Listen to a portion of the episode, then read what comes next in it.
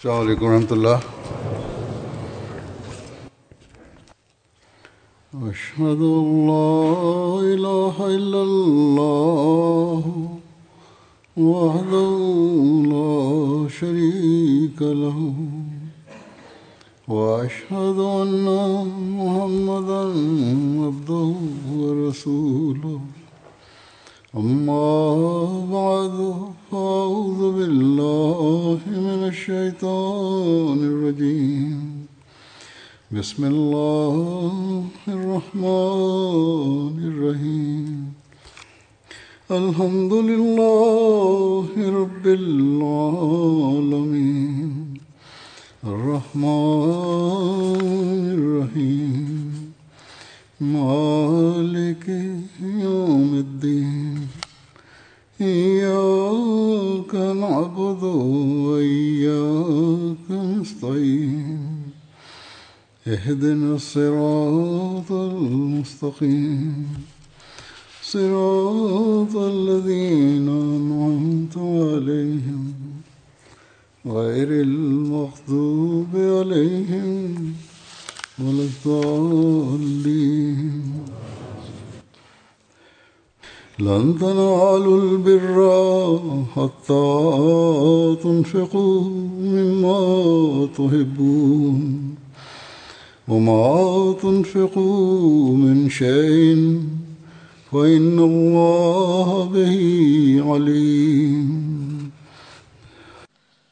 2023ခုနှစ်ဇန်နဝါရီလ6ရက်နေ့မှာ Hazrat Amirul Mu'minin Khalifatul Masih Al-Khamis Ayadahullahu Ta'ala bin Nasr Aziz ပြစမခလီဖာသခင်ကြီးကဂျီတိန်နိုင်ငံအစ္စလာမာဘတ်တယ်ဖိုရှိမူဘာရက်ဘလီဝေကျောင်းမှာဂျမာခွတ်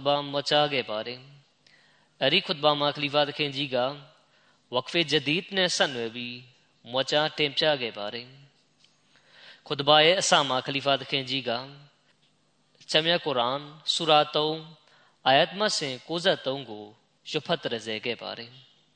အဲ့ဒီအာယတ်မုခဘတ်တော်ရဲ့ဘာသာပြန်ကအသင်တို့သည်မိမိတို့ချစ်ခင်စုံမတ်သောအရာများအနက်မှစွန့်ကြဲတုံးဆွဲမှုမပြုသေးသည်များကောင်းမှုကိုအလင်းရရှိနိုင်ကြမည်မဟုတ်ချေအသင်တို့မိသည့်အရာကိုပင်တုံးဆွဲသည်ဖြစ်စေအမှန်ပင်လာသည်ယင်းကို ကောင်းစွာသိရှိတော်မူ၏ ဒီအာယတ်မုခဘတ်တော်ကိုရှင်းလင်းတင်ပြလျက်တနည်းမှာမစီမောဒလိုင်စလမ်သခင်မိန့်ကြားတော်မူပါတယ်အသင်တို့သည်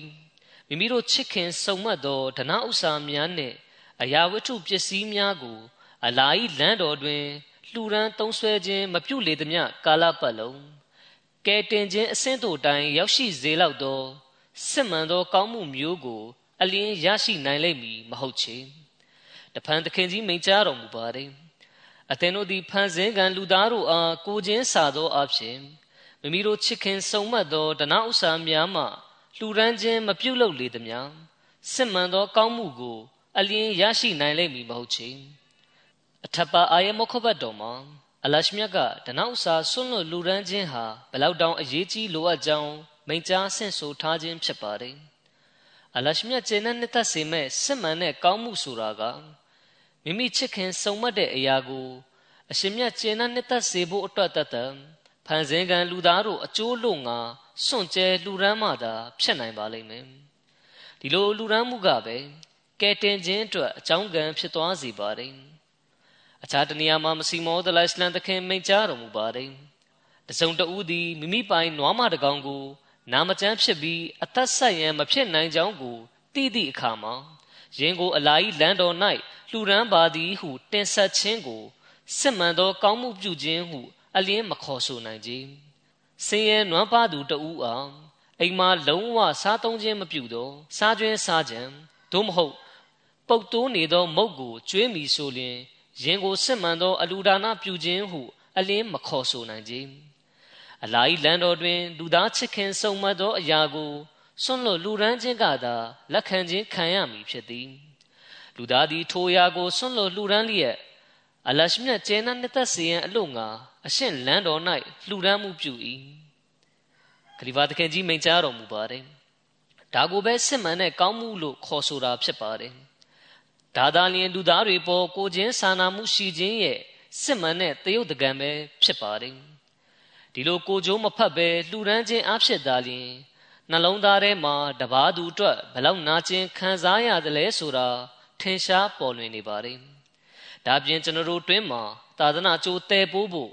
ဘလောက်စိတ်အားထက်သန်မှုရှိသလဲသာသနာအတွက်ဘလောက်ပြင်းပြတဲ့ခံစားချက်ရှိသလဲဆိုတာကိုတတ်သိပြုလျက်ရှိပါတယ်တဖန်တနေရာမှာမစီမောသလစလန်တခင်မိန့်ကြားတော်မူပါတယ်လောကတွင်လူသားသည်တဏှာဥစ္စာကိုလွန်စွာခုံမင်းနှစ်သက်၏ လူတစ်ယောက်ကသူ၏အသေးကိုထုတ်ကာအခြားတစ်စုံတစ်ဦးကို ပေးလိုက်သည်ဟု အိမ်မက်မြင်ပါကယင်းသည်ပစ္စည်းဥစ္စာကိုရည်ညွှန်းကြောင်းအိမ်မက်ဒိဋ္ဌုံကျမ်းတွင် လာရှိပေသည်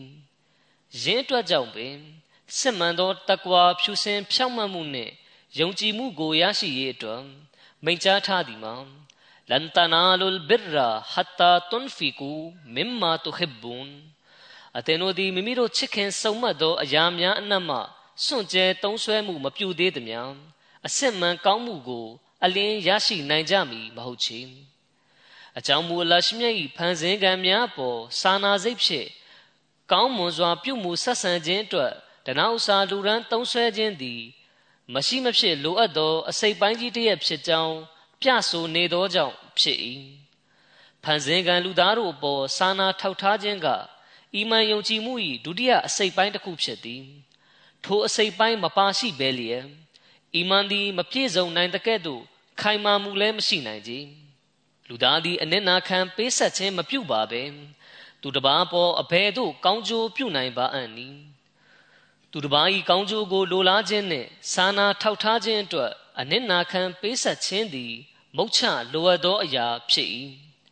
လန်တနာလုလ်ဘီရာဟတ်တာတွန်ဖီကူမင်မာတူဟစ်ဘွန်ဆိုသည့်အာယတ်မုခဘတ်တော်တွင် ထိုသို့သောအနစ်နာခံပေးဆက်ခြင်းဆိုင်ရာတွင်တင်ချက်ကိုပင်ဖော်ပြထားပေသည်တို့ဖြစ်ရာအလာဤလန်တော်တွင်စွန့်ကြဲတုံးဆွဲခြင်းမှာလူသား၏ကောင်းမြတ်ကံထူးခြင်းနှင့်တကွာတရားရှိခြင်းကို ဖော်ကျူးပြသနေသော တိုင်းတာချက်တရက်ပင်ဖြစ်သည်အဘူဘကာရဒီအလာဟူအန်ဟူတခင်၏ဘဝ၌ အလာဟ်လန်တော်၌ဆွန့်လွတ်ပေးဆက်ခြင်းဆိုင်ရာစံချိန်စံညွှန်းကမိတို့ရှိခဲ့ပါသနည်းတခင်သည်တမန်တော်မြတ်ဆလလောလဟ်အလัยဟ်ကတစုံတရာလိုအပ်ကြောင်းမိန့်ကြားလိုက်သည်နှင့်အိမ်တွင်ရှိသမျှအရာအလုံးကိုယူဆောင်လျက်ခါစားရောက်ရှိလာတတ်ပေသည်ခလီဖာသခင်ကြီးမိန့်ကြားတော်မူပါတယ်ဒါကမိမိနှစ်သက်တဲ့အရာမိမိချစ်ခင်စုံမက်တဲ့အရာကိုဆွန့်လွတ်ပေးဆက်ခြင်းဆိုင်ရာစံချိန်စံညွှန်းဖြစ်ပါတယ်။ ဒါရဲ့အလွန်မြမဝင့်ထည်လာတဲ့စံနမူနာကိုအထက်မှာမစီမောဒလိုင်စလန်တခင်မိန့်ကြားတော်မူသလိုဟဇရတ်အဘူဘကာဆစ်ဒီကရဒီအလာဟူအန်ဟူတခင်ကတိဆောက်ပြသခဲ့ပါတယ်။ဒါပြင်အခြားတာဝကတော်တွေကလည်းမိမိတို့တတ်ဆွမ်းသလောက်ဆွန့်လွတ်လူဒန်းခြင်းဆိုင်ရာအလွန်မြင့်မားတဲ့စံချိန်ကိုစိုက်ထူခဲ့ကြပါတယ်။ဒီနောက်မစီမောဒလိုင်စလမ်တခင်ရဲ့ခေတ်ကာလကိုလေ့လာကြည့်မယ်ဆိုရင်လည်း တခင်ကြီးရဲ့မရှင်လုပ်ငန်းစဉ်ကြီးလဲပတ်စေဖို့အတွက်စာအုပ်စာပေထုတ်ဝေဖြန့်ချီရေးတွင်၎င်းအစ္စလမ်သတင်းစကားဖြန့်ချီရေးတွင်၎င်းအလွန်မြတ်မားထွတ်မြတ်လာတဲ့စံနမူနာကို Hazrat Hakim Maulana Nuruddin Sahib ပထမခလီဖတ်ုလ်မစီကတိဆောက်ပြသခဲ့ပါတယ်ပထမခလီဖာသခင်ကမစီမောဒလိုင်စလမ်သခင်ထံကိုစာရေးတင်ပြတဲ့အကြောင်းနဲ့ဆက်နွယ်ပြီးမစီမောဒလိုင်စလမ်သခင်ကိုယ်တိုင်ကအခုလိုမိန့်ကြားတော်မူပါတယ် ပထမခလီဖာသခင်ကအခုလိုရေးသားပါတယ်ကျွန်တော်မျိုးသည်သခင်လို့ငါအရာရာကိုစွန့်လွတ်စတဲ့ပါ၏ကျွန်တော်မျိုးတွင်ရှိရှိသမျှအရာတို့မှာကျွန်တော်မျိုးပိုင်ဆိုင်သည်မဟုတ်ပဲသခင်အပိုင်သာဖြစ်ပါ၏အိုးကျွန်တော်မျိုး၏ခေါင်းဆောင်သခင်ကျွန်တော်မျိုးရိုးသားစွာရှောက်ထားလိုပါသည်အကယ်၍ကျွန်တော်မျိုးထံတွင် ရှိရှိသမျှဒနာဥစ္စာကိုသာသနာတော်ဖြန့်ချီရေးအတွက်သုံးဆွဲလိုက်သည်ဆိုလျှင် ယင်းမှာကျွန်တော်မျိုး၏ရည်မျှော်ချက်တို့တိုင် ရောက်ရှိသွားခြင်းဖြစ်ပါ၏တဖန်ရေးသားထားသည်မှာကျွန်ုပ်နှင့်တခင်ကြားဆက်သွယ်မှုသည်ကဟဇရတ်ဥမာဖာရုကဲ့သို့ဖြစ်ပါသည်ကျွန်တော်မျိုးသည်ရှိရှိသမျှအရာရာအားလုံးကိုဤလမ်းတော်၌ဇဒေးရန်အသင့်ရှိပါ၏ကျွန်တော်မျိုး၏တေခြင်းသည်စဒီကဖြူစင်ဖြောက်မှတ်သူများ၏တေခြင်းကဲ့သို့ဖြစ်စေရန်ဒဝါဆူတောင်းပေးတော်မူပါ ခလီဖာသခင်ကြီးမိန့်ကြားတော်မူပါတယ်ထိုနည်းတူမစီမောဒလစ်လန်သခင်ရဲ့များစွာသောတာဝကတော်တွေလည်းရှိပါတယ်သူတို့ဟာမိမိတို့တတ်ဆွမ်းသလောက်ဆွန့်လွတ်ပေးဆက်မှုတွေပြုလုပ်ခဲ့ကြပါတယ်ဘယ်လောက်တောင်ဆွန့်လွတ်ပေးဆက်ခဲ့ကြသလဲဆိုရင်မစီမောဒလိုင်စလန်တခင်ကိုယ်တိုင်ကသူတို့၏ကုရဘာနီဆွန့်လွတ်ပေးဆက်မှုများကိုမြင်ရ၍ကျွန်ုပ်အလွန်အံ့ဩရပါသည်ဆိုပြီးမိန့်ကြားရတဲ့အထိပါပဲတာဝကတော်တွေဟာခုလောက်ထိ ဘာကြောင့်ဆွန့်လွတ်ပေးဆက်ခဲ့ရတာပါလဲဘာကြောင့်လဲဆိုရင်မစီမောဒလိုင်စလန်တခင်ရဲ့အစ္စလမ်တည်င်းစကားဖြန့်ချီခြင်းဆိုတဲ့မရှင်လုပ်ငန်းစဉ်ကြီးမှာမိမိတို့ဟာကူညီပံ့ပိုးသူတွေအနေနဲ့ပါဝင်ခွင့်ရရှိကြဖို့အတွက်ပဲဖြစ်ပါတယ်ဒီအတွက်ကြောင့်ဖန်ဆင်းကံလူသားတွေကိုကိုနှစ်မြစာနာထောက်ထားလျက်သူတို့တွေကလည်းဓမ္မတော်မြတ်ဆလလောလဟ်အလัยဟ်ရဲ့စစ်မှန်သောကြေးကျွန်အစီကံဖြစ်တဲ့ မစီမောဒလစလန်တခင်ရဲ့ဂျမာတ်မှာပါဝင်ခွင့်ရဖို့ဆွန့်လွတ်ပေးဆက်ကြခြင်းဖြစ်ပါတယ်။ဒါပြင်တရားလမ်းညွန်တော်ပြီးပြည့်စုံစွာ ဖြန့်ချီရေးအတွက်မိမိတို့အခန်းကဏ္ဍကနေပါဝင်ဆောင်ရွက်ခဲ့ကြခြင်းဖြစ်ပါတယ်။ဒီလိုကုရ်ဘာနီဆွန့်လွတ်ပေးဆက်ခြင်းဆိုတဲ့노ချာထက်သန်မှုမျိုးကိုအလရှမြတ်ကမစီမောဒလိုင်စလန်တခင်ရဲ့နောက်မှာပေါ်ထွန်းလာတဲ့ခလီဖာတီးတီးရဲ့ခေဆက်ဆက်မှာ အဲ့ဒီလိုဆွန့်လွတ်ပေးဆက်လိုသူတွေကိုချီးမြှင့်ပေးသနာလျက်ရှိပါတယ်။သူတို့ဟာကုရ်ဘာနီဆွန့်လွတ်ပေးဆက်မှုတွေပြုလုပ်ကြရင်မိမိတို့ရဲ့တိုးတက်ပြောင်းလဲမှုတွေကိုမျက်မှောက်ပြုလျက်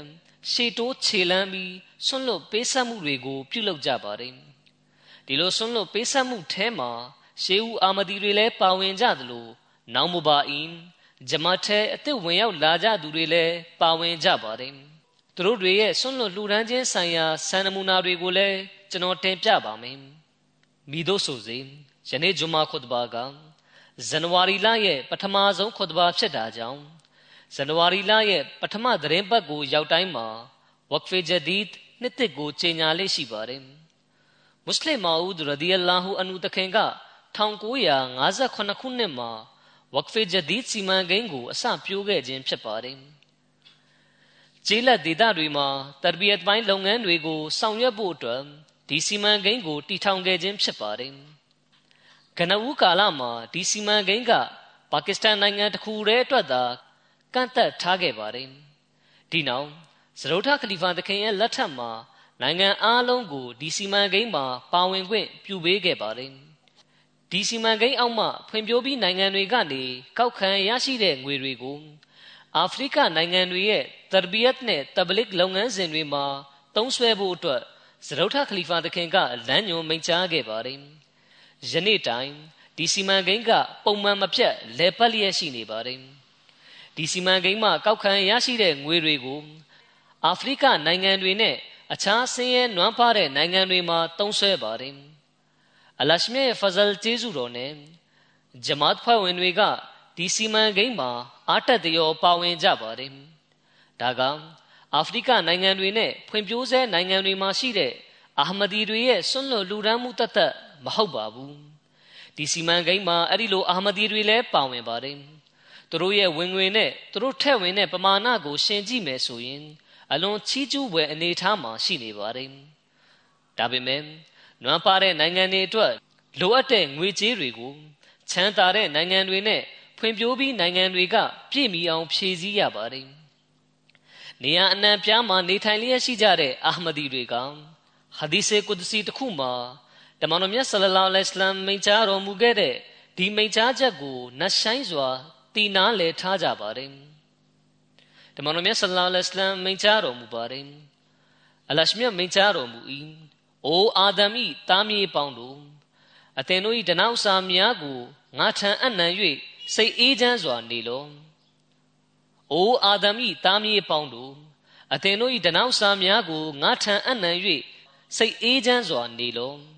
အသင်တို့၏ဒနောက်စာများသည်မိဘေတင့်မီကို၎င်းရင်နှင်းမြုပ်ခြင်းမှ၎င်းတခိုးတဝဤရန်ကိုကြောက်ရွံ့ခြင်းမှ၎င်း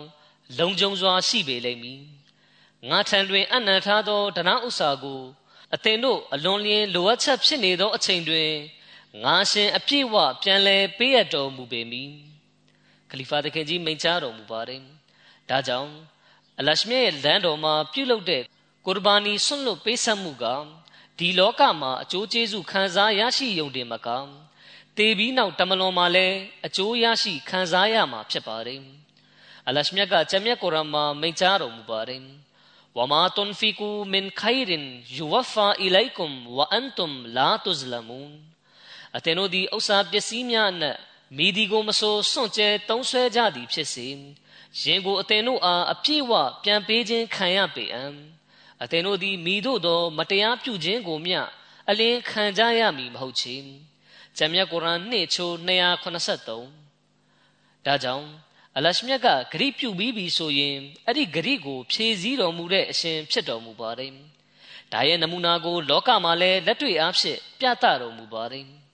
ဒီလိုအားဖြင့်အလရှမြတ်ဟာတမလွန်မှာလည်းကောင်းကျိုးဆုလတ်များကိုချီးမြှင့်ပေးသနာတော်မူတဲ့အရှင်ဖြစ်တယ်ဆိုတာ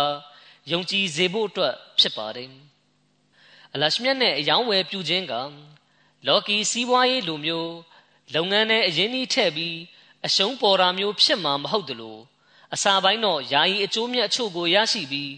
နောက်ပိုင်းမှာအကျိုးမြတ်ရဖို့ဘာအာမခံချက်မှမရှိတာမျိုးလဲဖြစ်မှာမဟုတ်ပါဘူး လော်ကီစီးပွားရေးလုပ်ငန်းတချို့ရှိကြပြီးအစာပိုင်းမှာအချိန်တိုင်းတာတစ်ခုထိအကျိုးမြတ်တွေပေးပြီးနောက်ပိုင်းမှာတော့လုပ်ငန်းကိုကြိုးကင်လှုပ်ရှားနေသူတွေကပဲ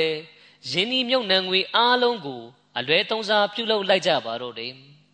ဒီလိုကြောင့်အဲ့ဒီလုပ်ငန်းတွေထဲမှာရင်းနှီးမြုပ်နှံထားကြတဲ့နွမ်းပါသူတွေရဲ့ငွေကြေးတွေဆုံးရှုံးသွားပါတယ်ယခုတလုံးမှာဆိုရင်အဲ့ဒီလုပ်ငန်းတွေထဲမှာထည့်ထားတဲ့ဒေါ်လာဂရေနစ်ချီပြီး လူတွေရဲ့ငွေကြေးတွေဆုံးရှုံးသွားပါပြီလူတွေဟာ Bitcoin cryptocurrency အစရှိတဲ့ digital ငွေကြေးရင်းနှီးမြုပ်နှံမှုလုပ်ငန်းတွေမှာအရင်းနှီးတွေထည့်ကြပါတယ်နောက်ဆုံးအဲ့ဒီလုပ်ငန်းတွေကိုကြိုးကင်လှုပ်ရှားနေသူတွေကပဲအများသူငါထည့်ထားတဲ့အရင်းနှီးတွေကိုအလွဲသုံးစားပြုလုပ်လိုက်ကြပါတယ်ဒီလိုနဲ့ရှိသမျှငွေတွေအားလုံးအရှင်းပြောက်သွားပါတော့တယ်မိတို့ဆိုစေကျွန်တော်အမြင်အရ Bitcoin အစရှိတဲ့ငွေကြေးစနစ်တွေဟာလောင်းကစားခြင်းတစ်မျိုးပါပဲဒါပေမဲ့အလရှမြတ်ကမိမိအလို့ငါဆွန့်လွတ်လူဒန်းသူတွေကိုဘယ်လိုပြန်လဲချီးမြှင့်ပေးကမ်းတော်မူပါသလဲဒါရဲ့အံပွဲမြင်ကွင်းတွေကိုကျွန်တော်တို့မြင်တွေ့ရပါတယ်ကျွန်တော်အထက်မှာပြောခဲ့သလိုပဲတနောက်စာဆွန့်လွတ်လူဒန်းခြင်းနဲ့ဆက်နွယ်တဲ့ဖြစ်ရတဲ့ချို့ကိုတင်ပြပါမယ်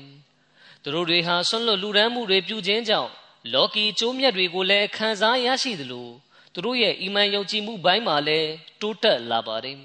ဒါနဲ့ဆက်နွယ်ပြီးလိုက်ဘေးရီးယားနိုင်ငံကအားချအတူယူပွဲဖြစ်ရတဲ့ခုရှိပါတယ်လိုက်ဘေးရီးယားနိုင်ငံဘူမီကောင်တီဒေသမှာမူအာလင်ဆပ်ကပြောပြပါတယ်ဝက်ဖေဂျဒီချန်တာကောက်ခံဖို့အတွက်နောင်မဘာအင်းဂျမတ်တွင်အသစ်ဝင်ရောက်လာကြသူတွေနေထိုင်တဲ့ဖွန်ဘာဒေတာကိုကျွန်တော်တွားရောက်ခဲ့ပါတယ် ဒေတာဆိုင်ရာအင်မာနဲ့တွဲဆုံပြီးနောက်အားလုံးကိုစုယုံပြီးအစီအစဉ်တစ်ခုပြုလုပ်ခဲ့ပါတယ်အဲ့ဒီအစီအစဉ်ကိုရွာမှာရှိကြသူအများစုကပါဝင်ကြပါတယ်အဖွဲ့ဝင်အားလုံးကိုဝက်ဖေဂျဒီချန်တာရဲ့အရေးပါပုံနဲ့ကောင်းကြီးမင်္ဂလာအကြောင်းကိုပြောပြခဲ့ပါတယ်အစီအစဉ်ပြီးတဲ့နောက်မှာအဖွဲ့ဝင်တဦးချင်းရဲ့အိမ်ကိုလည်းတွားရောက်ပြီးဝက်ဖေဂျဒီချန်တာကောက်ခံခဲ့ပါတယ်ဒီလိုနဲ့လူငယ်တဦးရဲ့အိမ်ကိုရောက်သွားပါတယ် သူ့အိမ်မှာဘာမှရှိမနေပါဘူးသူ့ရဲ့မိခင်ဖြစ်သူကယခုမိမိတို့မှာထဲ့ဝင်စရာငွေမရှိတာကြောင့်နောက်မှပေးပါမယ်ဆိုပြီးတောင်းပန်စကားဆိုပါတယ်ဒီလိုကြောင့်ကျွန်တော်လည်းပြန်လာခဲ့ပါတယ်ခဏကြာမှပဲအစောကလူငယ်လေးကအပြေးတစ်ပိုင်းနဲ့ရောက်လာပါတယ်ဒီနောက်သူကဒါကလိုက်ဘေးရီးယားငွေ250ဖြစ်တယ်ဒီငွေကိုကျွန်တော်ဖေကကျွန်တော်ចောင်းလာကအတွက်ပေးထားတာပါဒီငွေတွေကိုဝက်ဖေဂျဒီချန်တာအတွက်ပေးလူလိုက်ပါမယ် ဒီလိုအားဖြင့်ကျွန်တော်တို့ရဲ့အိမ်ကမင်္ဂလာရှိတဲ့ဒီစီမံကိန်းကနေလက်လွတ်မဆုံးရှုံးသွားစေဖို့ပါပဲဆိုပြီးပြောပါတယ်ရန်နေငယ်ချပြီးနောက်မှာအဲ့ဒီလူငယ်လေးကဂျမတ်စင်တာကိုရောက်ရှိလာပြီးလူကြီးမင်းပြန်သွားပြီးနှစ်ရက်အကြာမှာပဲကျွန်တော်တို့ရဲ့ရွှေမျိုးတဦးထံကကျွန်တော်ရဲ့ចောင်းလာကအတွက်လိုက်ဘေးရီးယားငွေ2500ပို့ပေးလိုက်ကြောင်းကြားသိရပါတယ်ဒီလိုကြောင့်ကျွန်တော်ဟာចောင်းလာကလည်းပေးလိုက်နိုင်တယ်လို့ တခြားလိုအပ်တဲ့ပစ္စည်းတွေကိုလည်းဝယ်နိုင်ခဲ့ပါတယ်အလရှမြတ်ကကျွန်တော်ရဲ့ကုရ်ဘာနီဆွန့်လွတ်လူရန်မှုအပေါ်မှာဆယ်ဆတိုးပြီးပြန်လဲချီးမြှင့်ပေးသနာတော်မူခဲ့ပါတယ်ဆိုပြီးပြောပါတယ်ခလီဖာသခင်ကြီးမိန့်ကြားတော်မူပါတယ်အလရှမြတ်ဟာဒီလိုနီလန်းတွေအားဖြင့်လူတွေရဲ့နှလုံးသားမှာအီမန်ယုံကြည်မှုတွေကိုပေါက်ဖွားစေပါတယ်အလရှမြတ်ကဒီလောကမှာတင်ပြန်လဲချီးမြှင့်ပေးကမ်းတော်ပြန်လဲချီးမြှင့်ပေးကမ်းတော်မူသလို တမလွန်မှာလည်းမိမိပြုထားတဲ့ဂရိတော်ကိုဖြည့်ဆည်းတော်မူလျက်ချီးမြှင့်တော်မူမှာဖြစ်ပါတယ်ဒီလိုဆွမ်းလွတ်လူရန်မှုတွေနဲ့ပတ်သက်ပြီးနောက်ထပ်ဖြစ်ရတဲ့ခုကိုတင်ပြပါမယ်ဂီနီကိုနာကရီနိုင်ငံကဖြစ်ရတဲ့ခုရှိပါတယ်မင်ဆာယာဒေတာရှိသာသနာပြုကပြောပြပါတယ်ဝက်ဖေဂျဒီချန်ဒါအထူးနှိုးစော်ကောက်ခံမှု10ရက်တာကာလကိုပြုလုပ်လျက်ရှိပါတယ်အဲ့ဒီဒေတာမှာရှိတဲ့ဂျမတ်ဖွဲ့ဝင်တွေကိုမစဂျစ်မှာတွေ့တဲ့အခါမှာရော တဦးချင်းနဲ့တွေ့ဆုံပြီးတော့ပါဝက်ဖေဂျဒီချန်ဒါရဲ့အရေးကြီးလိုအပ်ပုံနဲ့ကောင်းကြီးမင်္ဂလာတွေအကြောင်းကိုပြောပြလျက်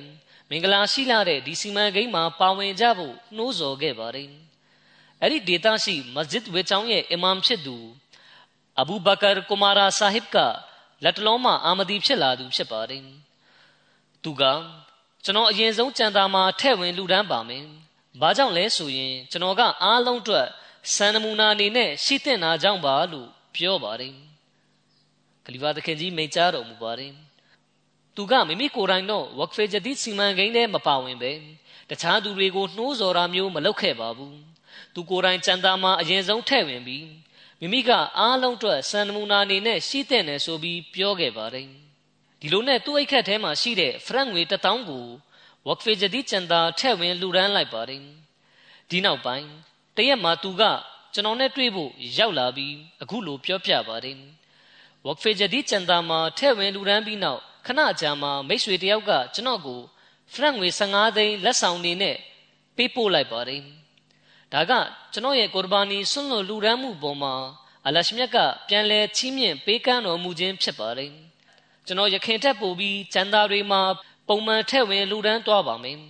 ခလီဖာသခင်ကြီးမိန့်ကြားတော်မူပါတယ် ဒါဟာအလရှမြတ်ကနောင်မဘာအင်းဂျမတ်ထဲအစ်ဝင်ရောက်လာသူတွေကိုဘလို့ပြုမှုဆက်ဆံတော်မူသလဲဆိုတဲ့မြင်ကွင်းပဲဖြစ်ပါတယ်အလရှမြတ်လန်တော်မှာစွန်ကျဲသုံးဆွဲတယ်ဆိုရင်အရှင်မြတ်ဟာဒီလောကမှာလည်းချီးမြှင့်ပေးကမ်းတော်မူမှာဖြစ်တယ်လို့အင်ရှာလာတမလွန်အတွက်ပြုထားတဲ့ဂရိတော်ကိုလည်းဖြည့်ဆည်းပေးသနာတော်မူမှာပဲဖြစ်ပါတယ်ကင်မရွန်နိုင်ငံမှာမူအာလင်ဆပ်ကရေးပါတယ်လူငယ်တဦးကကျေးရွာတွေမှာတယ်ရီကီဂျတိကျန်တာကောက်ခံဖို့အတွက် ကျွန်တော်နဲ့အတူလိုက်ခဲ့ပါတယ်သူကအလုတ်လက်မဲ့သူကအလုတ်လက်မဲ့ဖြစ်နေတာကြောင့်တယ်ရီကီဂျတိကျန်တာအတွက်စီဖာငွေတစ်ထောင်ကိုထည့်ဝင်ခဲ့ပါတယ်ဒီနောက်သူကကျွန်တော်အတွက်ဒွါလောက်ပါတကယ်လို့အလုပ်ရရင်ထပ်ပြီးထည့်ပါအောင်မယ်ဆိုပြီးပြောပါတယ်ဒီခါမော်လင်ဆပ်ကကျွန်တော်လဲဒွါလုပ်ပါမယ်အသင်လဲအလုပ်ရဖို့ကိုယ်တိုင်ဒွါလုပ်ပါလို့ပြောခဲ့ပါတယ်အလရှမြတ်ကကာလအနှဲငယ်ကြာပြီးနောက်မှာ သူ့ရဲ့ဒွါကိုလက်ခံတော်မူခဲ့ပါတယ်တလအကြာမှာသူက UNO အဖွဲ့အစည်းတစ်ခုမှာရင်မောင်းယာရူးနဲ့အလုပ်ရသွားပါတယ်ဒီခါသူကဝက်ဖေဂျဒီဂရင်းငွေစီဖာငွေတထောင်ကိုထည့်ဝင်လူရန်ခဲ့ပါတယ်သူကအလရှမြတ်ဟာကျွန်တော်ခက်ခဲနေတဲ့အချိန်မှာကျန်တာပေးခဲ့တာကိုထောက်ရှုပြီးကျွန်တော်ရဲ့ဝင်ငွေမှာတိုးပွားလာအောင်ပြုပေးခဲ့တာဖြစ်တယ်ဆိုပြီးပြောပါတယ်တန်ဇန်နီးယားနိုင်ငံမှာအမီရ်ဆပ်ကရေးပါတယ် ဂျမားအဖွဲ့ခွဲတစ်ခုမှအမျိုးသမီးတဦးကပြောပြပါတယ်တနေ့သူမကအိမ်တွက်လိုအပ်တာတွေဝယ်ဖို့ဈေးသို့သွားပါတယ်ဒီလိုနဲ့သူမကဈေးနီးမှာမွာလင်ဆပ်နဲ့တွေ့ပါတယ်မွာလင်ဆပ်ကဝက်ဖေဂျဒီချန်တာမှာထဲ့ဝင်လူရန်ဖို့နှိုးဆော်ပါတယ်အဲ့ဒီမျိုးသမီးကယခုကျမမှာရှီလင်ငွေ2000ရှိပါတယ်ဒီငွေတွေနဲ့အိမ်တွက်လိုအပ်တာတွေဝယ်ဖို့အိမ်တွက်လိုအပ်တာတွေအိမ်တွက်လိုအပ်တာတွေ အိမ်တွက်လိုအပ်တာတွေဝယ်ဖို့တွားတာဖြစ်တယ်လို့ပြောပါတယ်ဒီလိုနဲ့သူမကရှီလင်ငွေ1000ကိုကျန်တာမှာထဲ့ဝင်လူဒန်းလိုက်ပြီးကျန်ရှိတဲ့ရှီလင်ငွေ1000ကိုအိမ်တွက်လိုအပ်တာတွေကိုဝယ်ချမ်းလိုက်ပါတယ်သူမကပြောပြပါတယ်ဈေးမှာအမျိုးသမီးတဦးကကျမနောက်ကနေအတန်ပြုတ်လိုက်ပါတယ်။သူမကကာလာတစ်ခုအလျင်ကကျမစီကရှီလင်ငွေ9000ကိုချေးထားတာဖြစ်ပါတယ်။အချိန်ကာလတစ်ခုကြာသွားခဲ့ပြီဖြစ်တာကြောင့် ဒီငွေတွေပြန်ရဖို့ကျမမျှော်လင့်ချက်မရှိခဲ့ပါဘူး။ဒီခါသူမကအတင်မစီကယူထားတဲ့အကျွေး9000ကိုကျမပြန်ဆက်တာပါလို့ပြောပါတယ်။ဒီခါအဲ့ဒီအမျိုးသမီးကမွာလင်ဆက်စီပြန်သွားပြီး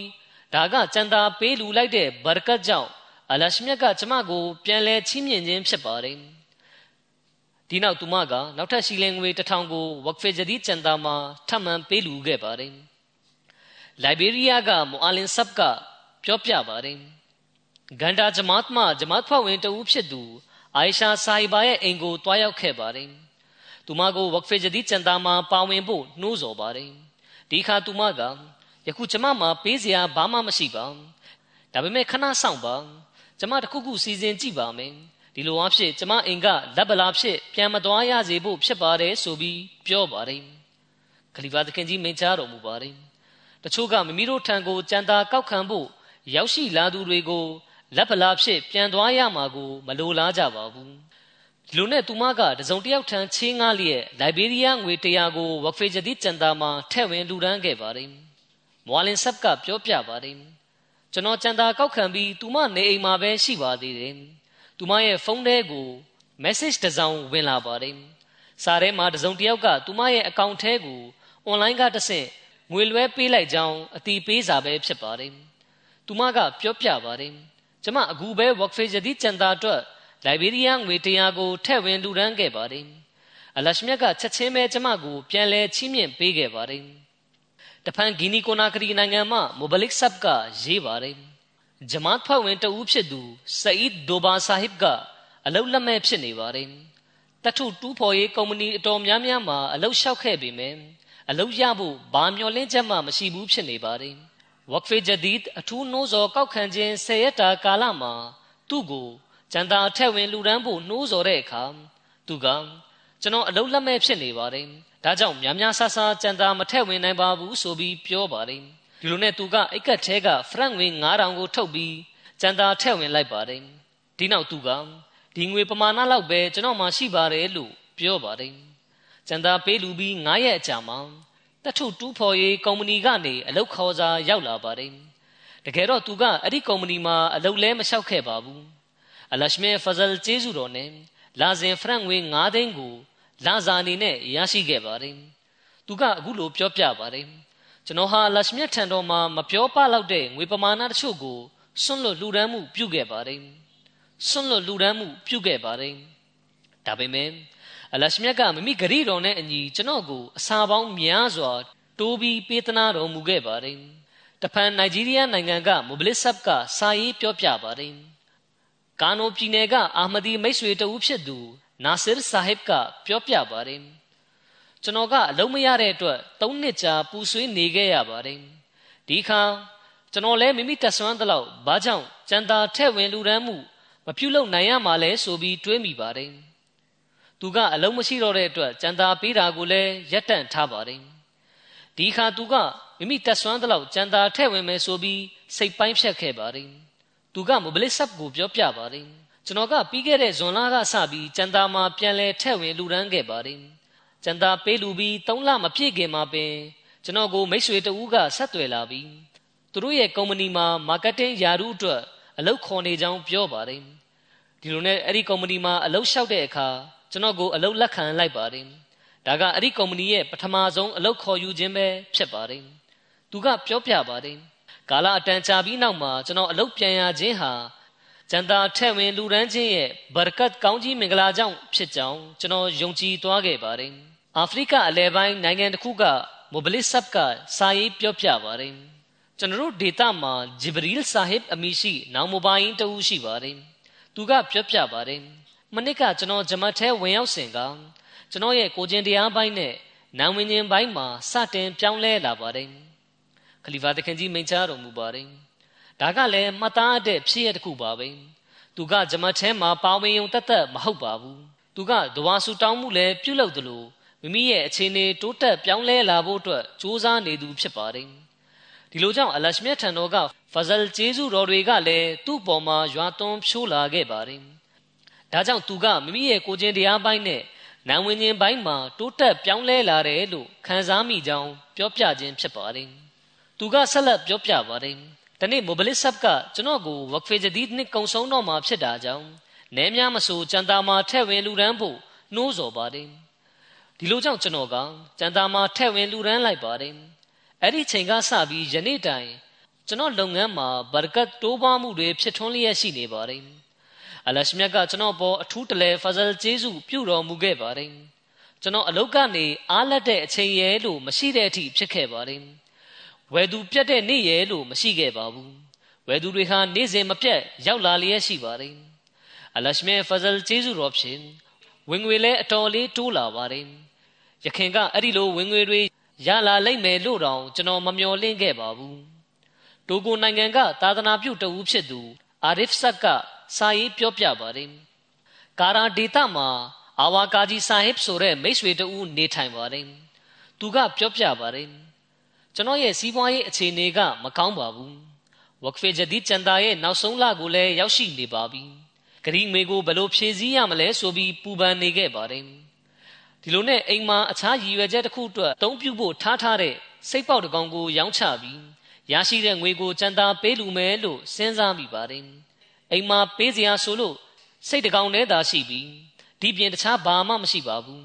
ဒါကြောင့်အဲ့ဒါကိုပဲရောင်းရတော့မှာဖြစ်ပါတယ်ကျွန်တော်ဟာစိတ်ပေါက်လေးကိုရောင်းဖို့ရည်စူးယုံပဲရှိပါသေးတယ်သာသနာပြုကကြံတာကောက်ခံဖို့အိမ်ထဲဝင်လာပါတယ်အဲ့ဒီနေ့မှာပဲရခင်ကျွန်တော်စီကပတ်စံချေးထားတဲ့လူတဦးကလည်းတိုက်ဆိုင်စွာပဲရောက်လာပါတယ်သူစီကပတ်စံတွေပြန်ရလိမ့်မယ်လို့လည်းကျွန်တော်မျှော်လင့်မထားခဲ့ပါဘူး ဒီလိုနဲ့အကျွေးဆက်တဲ့ငွေတွေအားလုံးကိုဝက်ဖေဂျဒီကျန်တာအတွက်ထဲ့ဝင်လူရန်လိုက်ပါတယ်ဒီလိုအားဖြင့်အလရှမြတ်ကကျွန်တော်ကိုအကွယ်ကနေကူညီဆောင်မတော်မူခဲ့ပါတယ်ခလီဖာတခင်ကြီးမိန့်ကြားတော်မူပါတယ်အလူဒါနာတစ်ခုပြုလုပ်ဖို့ရည်ရွယ်ခဲ့တယ်လက်တွေ့မလှုပ်ဆောင်သေးခင်မှာပဲအလရှမြတ်ကအဲ့ဒီလိုလူရန်နိုင်ဖို့လမ်းတွေကိုဖွင့်လှစ်ပေးတော်မူခဲ့ပါတယ်မိမိတို့ချစ်ခင်စုံမက်တဲ့အရာကိုစွန့်ကြဲသုံးဆွဲဖို့အာယုံပြုတဲ့အခါ အလရှမြတ်ကလက်တွေ့လူရန်မှုမပြုခင်မှာပင်ချီးမြှင့်ပေးကမ်းတော်မူပါတယ်။ဘာကြောင့်လဲဆိုရင်အလရှမြတ်ဟာနှလုံးသားရဲ့အခြေအနေမှန်ကိုသိတော်မူတာကြောင့်ပါပဲ။မာရှယ်ကျွန်းမှာစာဂျစ်အစ်ဘာလ်ဆာဟစ်ကပြောပြပါတယ်။ကျွန်တော်တို့နေတဲ့ကျွန်းမှာလိုတိုင်းဆာဟီဘာဆိုတဲ့အမျိုးသမီးတဦးနေထိုင်ပါတယ်။သူမကပြောပြပါတယ်။တနောက်စာဆွန့်လွတ်လူဒန်းမှုကြောင့်အလရှမြတ်ကကျမနဲ့ကျမရဲ့အိမ်သူအိမ်သားတွေပေါ်မှာ များစွာဖဇလ်ကျေးဇူးပြုတော်မူခဲ့ပါတယ်။အစာပိုင်းမှာကျမတို့ကတနောက်စာဆွန့်လွတ်လူဒန်းမှုအပိုင်းမှာမပါဝင်ခဲ့ပါဘူး။ဘာကြောင့်လဲဆိုရင်အလရှမြတ်ကတနောက်စာဆွန့်လွတ်လူဒန်းမှုပေါ်မှာဘယ်လိုပြန်လဲချီးမြှင့်ပေးသနာတော်မူသလဲဆိုတာကိုမယုံကြည်ခဲ့တာကြောင့်ပါပဲ။အဲ့ဒီချိန်ကျမတို့ထံမှာဝင်ငွေကလည်းအလွန်နှဲပါပါတယ်။ဘယ်လောက်တောင်လဲဆိုရင်စားတောက်ဖွယ်ရာဝယ်ချမ်းဖို့ပင်ငွေအလုံးလောက်မရှိပါဘူး။ အိမ်သုံးစိတ်ဖူလုံရေးအတွက်အလွန်တောကဖြစ်ခဲ့ရပါတယ်ဒီလိုနဲ့မစဂျစ်ဝေကျောင်းမှာတနာဥစာဆွန့်လွတ်လူရန်ချင်းရဲ့ကောင်းကြီးမင်္ဂလာတွေအကြောင်းကိုနားထောင်ရတဲ့အခါမှာတော့ဒီလူရန်မှုမှာမိမိတို့လည်းပါဝင်တဲ့တယ်လို့စဉ်းစားမိပါတယ်ဒီလိုကြောင့်အဲ့ဒီချိန်ကစပြီးကျန်သားရန်ပုံငွေတွေကိုလှူဒန်းဖြစ်ပါတယ်ယခုအလရှမေဖဇလ်ကျေးဇူးတော်ဖြင့်အိမ်သုံးစိတ်တွေကိုလည်းဖြည့်ဆည်းနိုင်ခဲ့ပြီဖြစ်တယ်လို့ စားတောက်ဖို့ကြက်တဲတာမျိုးတွေလည်းမဖြစ်တော့ပါဘူးခလီဖာသခင်ကြီးမိန့်ကြားတော်မူပါတယ်ဒါမျိုးအခါအားလျော်စွာဖြစ်ပျက်လျက်ရှိပါတယ်လူတွေဟာကျွန်တော်တို့ထင်မှတ်မထားတဲ့ပုံစံမျိုးနဲ့မိမိတို့ဒနာဥစ္စာတွေကိုယူလာပြီးလှူဒန်းကြပါတယ်ကျွန်တော်တို့ဟာဘယ်လောက်အလူဒါနပြုလုပ်မလဲအလရှမြတ်ဟာကျွန်တော်တို့ကိုအဲ့ဒီလောက်များပြားတဲ့ငွေပမာဏကိုပြန်လဲချီးမြှင့်ပေးကမ်းတော်မူမှာဖြစ်ပါတယ် အလရှမြဟာနောင်မဘာအင်းတွေရဲ့အီမန်ယုံကြည်မှုပိုင်းတိုးတက်လာစေဖို့ခုလိုနီလန်းတွေအားဖြင့်ပြုမှုဆက်ဆံတော်မူပါတယ်။အိန္ဒိယနိုင်ငံရှိဝက်ဖေဂျဒီဒ်အင်စပက်တာဆာဟစ်ကပြောပြပါတယ်။တမင်နာဒူပြည်နယ်မဲလာပါလန်ဂျမတ်တို့ဝက်ဖေဂျဒီချန်တာကောက်ခံဖို့နဲ့ဘတ်ဂျက်ကိစ္စဆောင်ရွက်ဖို့အတွက်တွားရောက်ခဲ့ပါတယ်။အဲဒီမှာဖြူစင်မှုတရားတရားထက်သန်တဲ့အာမဒီတဦးနဲ့တွေ့ခဲ့ရပါတယ်။သူကပြောပြပါတယ်။ ကျွန်တော်က2014ခုနှစ်မှာဘိုင်သစ္စာခံယူပြီးအာမဒီယာဂျမတ်တွင်းသို့ဝင်ရောက်ခွင့်ရခဲ့ပါတယ်။အဲဒီချိန်ကျွန်တော်ကဝက်ဖေဂျဒီကျန်တာကိုရူပီ4000ပေးလူမဲ့အကြောင်းဂရိပြုငွေရေးခိုင်းလိုက်ပါတယ်။အဲဒီချိန်ကကျွန်တော်အဲ့ဒီလောက်ငွေပမာဏကိုပဲတတ်နိုင်ခဲ့ပါတယ်။အဲဒီနောက်ပိုင်းနှစ်စဉ်ကျွန်တော်တတ်နိုင်သမျှထပ်တိုးပြီးပေးလူခဲ့ပါတယ်။ဒီလိုပေးလူမှုကြောင့်အလရှမြတ်ကကျွန်တော်ရဲ့လုပ်ငန်းပိုင်းကိုလည်းတိုးတက်အောင်ပြုလုပ်ပေးတော်မူခဲ့ပါတယ်။ ဒီလိုနဲ့ကာလအနှဲငယ်ကြာပြီးနောက်မှာကျန်တဲ့အိမ်သူအိမ်သားတွေကလည်းဘာယသစ္စာခံယူခဲ့ကြပါတယ်ယခုအလရှမေဖဇလ်ကျေးဇူးတော်နဲ့ကျွန်တော်ရဲ့ဝက်ဖေဂျဒီကျန်တာထဲဝင်လူရန်ငွေပမာဏကရူပီးငွေ9သိန်းအထိရောက်ရှိသွားခဲ့ပါပြီသူကပြီးသွားတဲ့ရမ်ဇန်လမှာပဲသူ့ရဲ့ဂရိငွေ9သိန်းကိုလည်းအပြည့်အဝပေးလူခဲ့ပါတယ်သူကဆက်လက်ပြောပြပါတယ် လော့ကဒေါင်းကာလဖြစ်ပေမဲ့လည်းကျန်တာကိုတွန်းမြင့်ပေးလူခြင်းဘရကတ်ကောင်းကြီးမင်္ဂလာကြောင့်ကျွန်တော်ရဲ့လုပ်ငန်းပိုင်းမှာဘာထိခိုက်ဆုံးရှုံးမှုမှမဖြစ်ခဲ့ရုံသာမကထပ်ပြီးတော့ပင်တိုးပွားလာပါတယ်ယခုအလရှမဲဖဇလ်ကျေးဇူးတော်နဲ့ကျွန်တော်လုပ်ငန်းကအိန္ဒိယကနေထိုင်းနိုင်ငံတို့တိုင်ဖြန့်ကျက်နိုင်ခဲ့ပြီဖြစ်ပါတယ်ဒါတွေအားလုံးကကျန်တာပေးလူချင်းရဲ့ဘရကတ်ကောင်းကြီးမင်္ဂလာကြောင့်ပါပဲဒါဟာအလရှမဲဖဇလ်ကျေးဇူးပြုတော်မူခြင်းဆိုင်ရာ မြင်ကွင်းပဲဖြစ်ပါတယ်ဒါကလောင်ကစားဆန်တဲ့လုပ်ငန်းမျိုးမဟုတ်ပါဘူးငွေကြေးရင်းနှီးမြှုပ်နှံမှုပြုပြီးစူးစမ်းပန်းစားအလုပ်လုပ်တယ်ပြီးတော့အဓိကရလာတဲ့ငွေတွေကိုအလရှမြတ်လမ်းတော်မှာပြန်လဲစွန့်ကြဲသုံးဆွဲခြင်းဖြစ်တယ်ဒီလိုလူဒန်းမှုကြောင့်အလရှမြတ်ကလည်းသူတို့ကိုအစာပေါင်းများစွာတိုးပွားပြီးပြန်လဲပေးသနာတော်မူခဲ့ပါတယ်ဒီနောက်အိန္ဒိယနိုင်ငံကပဲနောက်ထပ်ဖြစ်ရတစ်ခုကိုတင်ပြပါမယ်အိန္ဒိယနိုင်ငံကယ်ရလာပြည်နယ်မာလမ်ပူရမ်မြို့မှာ public in charge ကရေးပါတယ်ဝက်ဖေဂျဒီတာဝန်ခံကကျန်တာကောက်ခံဖို့အတွက်ပြည်နယ်အတွင်းမှာခရီးလှည့်လည်နေပါတယ်သူကကျွန်တော်တို့နေထိုင်ရာဒေသသို့လည်းရောက်ရှိလာခဲ့ပါတယ်အဲ့ဒီမှာဖြူစင်တရားတရားထက်သန်တဲ့အာမဒီတူထံကနေသူစီဖုန်းဝင်လာပါတယ်ဖုန်းထဲမှာရာဟမန်ဆာဟစ်ဆိုသူကမိမိရဲ့ကုမ္ပဏီသို့လာဖို့နဲ့ကုမ္ပဏီမှာရုံးနေရာတစ်ခုတိုးချဲလိုက်တာကြောင့် အဲ့ဒီရုံးခန်းအစ်စ်ကိုဒဝါဆူတောင်းနဲ့ဖွင့်လှစ်ပေးဖို့ခေါ်ပါတယ်ဒီလိုနဲ့ကျွန်တော်ပါဝင်ဝက်ဖေဂျဒီတာဝန်ခံကပါရာဟမန်ဆပ်ထန်တို့လိုက်သွားတဲ့အခါဘာမှမေးမြန်းတာမျိုးမလုပ်ပဲရူပီးငွေ10သိန်းပါချက်လက်မှတ်တစ်စောင်ကို ထုတ်ပေးပါတယ်ဒါပြင်သူကဒါပြင်သူကကျွန်တော်တို့ရှေ့ဆက်ပြီးကြံတာလိုက်လံကောက်ခံရမှာအသုံးပြုဖို့သူပိုင်တဲ့ကားကောင်းတစ်စီးကိုလည်းစီဖြည့်ပြီးထည့်ပေးလိုက်ပါတယ် ကျွန်တော်တို့ကတာမန်ကားလေးတစ်စီးလောက်ဆိုရပါပြီလို့ပြောတော့သူကအဲ့ဒီလိုမဟုတ်ပါဘူးဂျမတ်ကကိုယ်စလဲတွေအတွက်ကားကောင်းတစ်စီးနဲ့တွားတာပိုတင့်တော်ပါတယ်ဒီလိုမှပဲလူကြီးမင်းတို့အေးစေတတ်တာစွာခရီးဆက်လို့ရမှာပေါ့လို့ပြောပြီးသူ့ကားအကောင်းစားကိုထည့်ပေးလိုက်ပါတယ်ရာဟမန်ဆပ်ကကျွန်တော်အခုပေးလိုက်တဲ့ငွေကကျွန်တော်ရဲ့ပိုင်ဆိုင်မှုတစ်ခုကိုမှတ်ပုံတင်ဖို့အတွက်ဖယ်ထားတဲ့ငွေကြေးဖြစ်ပါတယ်အဲ့ဒီငွေကိုလူကြီးမင်းတို့လာတဲ့ပုံမှာဝက်ဖေဂျဒီကျန်တာအတွက် ပေးလူလိုက်ခြင်းဖြစ်ပါတယ်လို့ပြောပါတယ်မှတ်ပုံတင်ဖို့အတွက်ကိုတော့ခိတရက်တန့်ထားလိုက်ပါတယ်ဒီလိုနဲ့ရန်နေငယ်ကြပြီးနောက်အလွန်များပြားတဲ့ငွေပမာဏတစ်ခုကိုဘာမှထူးထူးခြားခြားစူးစမ်းစရာမလိုပဲရရှိသွားကြောင်းအဲ့ဒီငွေပမာဏကသူလိုအပ်နေတာထက်တောင်အစာများစွာပုံမူကြောင်းရာမန်ဆပ်ကပြောပြပါတယ်ဝက်ဖေဂျဒီဒ်မှာသူပေးလိုက်တဲ့ရူပီးငွေ10သိန်းထက်တောင် အလွန်များပြားတဲ့ငွေပမာဏကိုမမျှော်လင့်ပဲရရှိခဲ့ခြင်းဖြစ်ပါတယ်မော်ရီရှပ်နိုင်ငံမှအမျိုးသမီးတူကပြောပါတယ်ကျမမိဘတွေထံကနှစ်ကုံပိုင်းမှာလက်ဆောင်ဖြစ်ငွေချို့ရရှိပါတယ်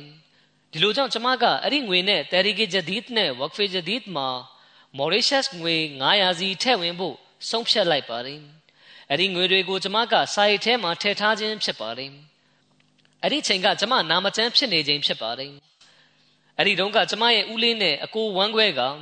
ကျမတို့စီအလဲလာပြီးသူတို့နှစ်ယောက်စလုံးကကျမကိုစာရိတ်တစ်ခုစီမှာပတ်စံထည့်ပေးသွားခြင်းဖြစ်ပါတယ်စာရိတ်တစ်ခုချင်းစီမှာငွေ9000စီထည့်ထားတာကိုတွေ့ရပါတယ်ဒါကိုကြည့်ပြီးကျမအလွန်အံ့ဩသွားခဲ့ပါတယ်အချောင်းကတော့အလရှမြတ်ကကျမကိုကြံသာထည့်ဝင်လိုက်တဲ့ငွေထက်ဆယ်ဆပိုများတဲ့ငွေကိုပေးသနာခဲ့တာကြောင့်ပါပဲဂျော်ဂျီယာနိုင်ငံဂျမတ်မှဥက္ခရာကရေးပါတယ် ပါလက်စတိုင်းနိုင်ငံကဂျမတ်ဖွဲ့ဝင်တယောက်ရှိပါတယ်သူကဂျော်ဂျီယာမှာပြောင်းရွှေ့နေထိုင်ပြီးစေးတက်ကတိုတက်ရောက်နေသူဖြစ်ပါတယ်သူကလွန်ခဲ့တဲ့3နှစ်လောက်ကဘိုင်ယက်ဂျူဘီဂျမတ်ထဲသို့ဝင်ရောက်လာသူဖြစ်ပါတယ်ဂျမတ်မှာဝက်ဖေဂျဒီဒ်ဆဲတာကာလနှိုးဆော်ခြင်းအစီအစဉ်ကိုဖွင့်လှစ်ပြုလုပ်ထားပါတယ်။အဲ့ဒီစေးချောင်းသားလူငယ်ကပြောပြပါတယ်။ဝက်ဖေဂျဒီကျန်တာထဲ့ဝင်ဖို့နှိုးဆော်တော့အဲ့ဒီတုန်းကကျွန်တော်ထံမှာဂျော်ဂျီယာဒေါ်လာ300ပဲရှိပါတယ်။